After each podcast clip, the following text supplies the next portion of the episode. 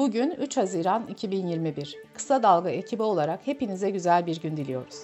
Ben Demet Bilge Erkasa. Günün önemli gelişmelerinden derleyerek hazırladığımız Kısa Dalga Bülten başlıyor. Cumhurbaşkanı Erdoğan önceki akşam TRT canlı yayınına katıldı. Erdoğan'ın konuşmasından öne çıkan başlıklar şöyleydi. Yeni anayasa çalışmalarını anlatan Erdoğan, parlamenter demokrasi artık bizim için mazi oldu dedi. Salgınla ilgili açıklamalarda da bulunan Erdoğan 3 doz aşı olduğunu söyledi. Bunun üzerine sosyal medyada birçok kullanıcı biz niye 2 doz aşı olduk diye sordu.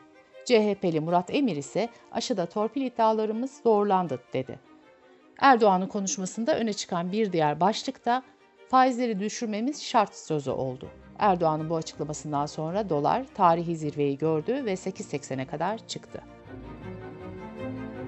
Binali Yıldırım'ın oğlu Erkam Yıldırım'ın 2020'deki Venezuela ziyareti gündemdeki yerini koruyor. Konuyla ilgili son açıklamaya geçmeden önce kısa bir hatırlatma yapalım.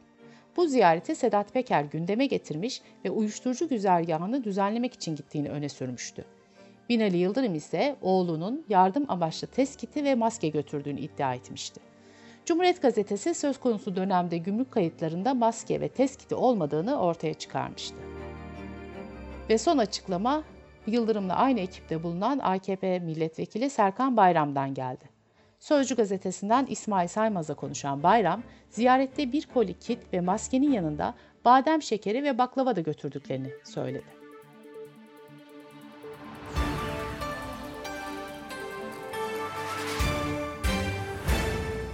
İçişleri Bakanı Süleyman Soylu, TRT'de katıldığı programda bir siyasetçinin Sedat Peker'den 10 bin dolar maaş aldığını öne sürmüştü.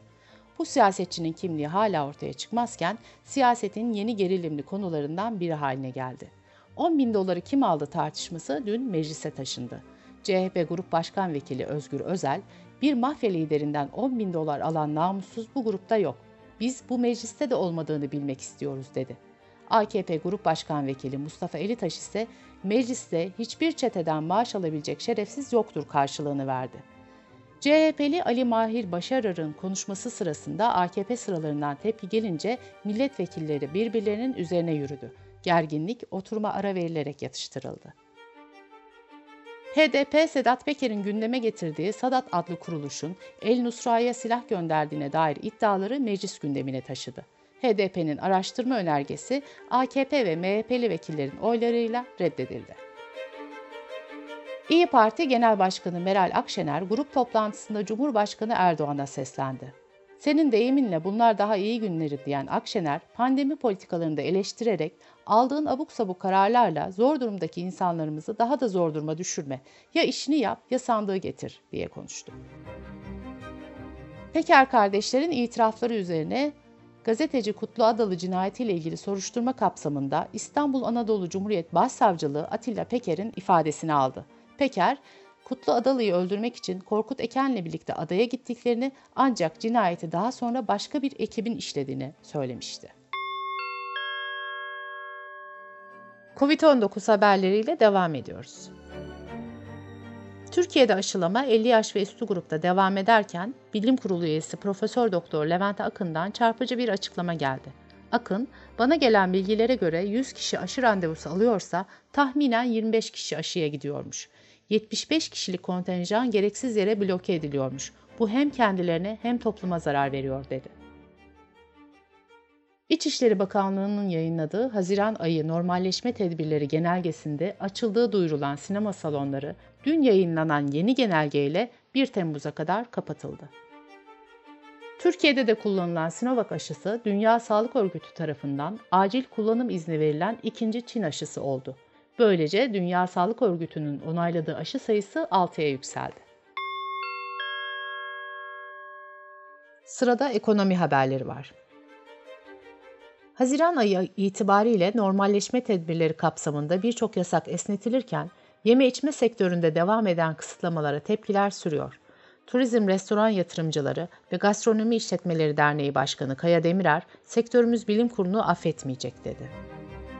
1 Haziran genelgesinde müzisyenlere yönelik herhangi bir adımın atılmamasına yönelik tepkiler de sürüyor. Müzik ve Sahne Sanatçıları Sendikası Genel Sekreteri Ali Abacı, bu virüs sadece notalardan mı geçiyor diyerek tepkisini dile getirdi. Kültür ve Turizm Bakanlığı ise müzik emekçilerine Haziran ayında tek seferde 3 bin lira destek yapılacağını duyurdu. Türkiye Bankalar Birliği'nin verilerine göre yeniden yapılandırılan krediler Mart sonunda yıllık %28 artışla 216 milyar liraya yükseldi. Kısa Dalga Bülten'e dış politika ve dünyadan gelişmelerle devam ediyoruz. Joe Biden, Tulsa'da yüzlerce siyah ABD'linin beyazlar tarafından katledilmesinin 100. yıl dönümü törenlerine katıldı. Biden, Amerikalıları ülkenin geçmişindeki ırkçılıkla yüzleşmeye çağırdı. Avrupa Birliği Savcılığı 1 Haziran itibariyle görevine başladı. Kurum, AB bütçesine zarar veren ekonomik ve mali suçları takip edecek.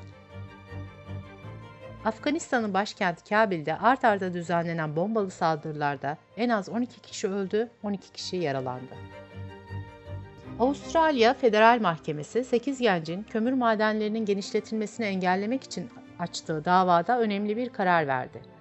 Mahkeme, Çevre Bakanlığı'nın çocukları çevre kirliliğinden korumakla yükümlü olduğuna hükmetti.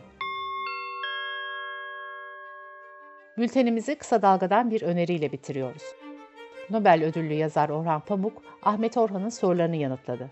Pamuk, yeni kurguladığı romanını Veba Gecelerin hikayesini anlattı, Türkiye siyaseti üzerine değerlendirmelerde bulundu. Kısa Dalga.net adresimizden dinleyebilirsiniz. Gözünüz kulağınız bizde olsun. Kısa Dalga Medya.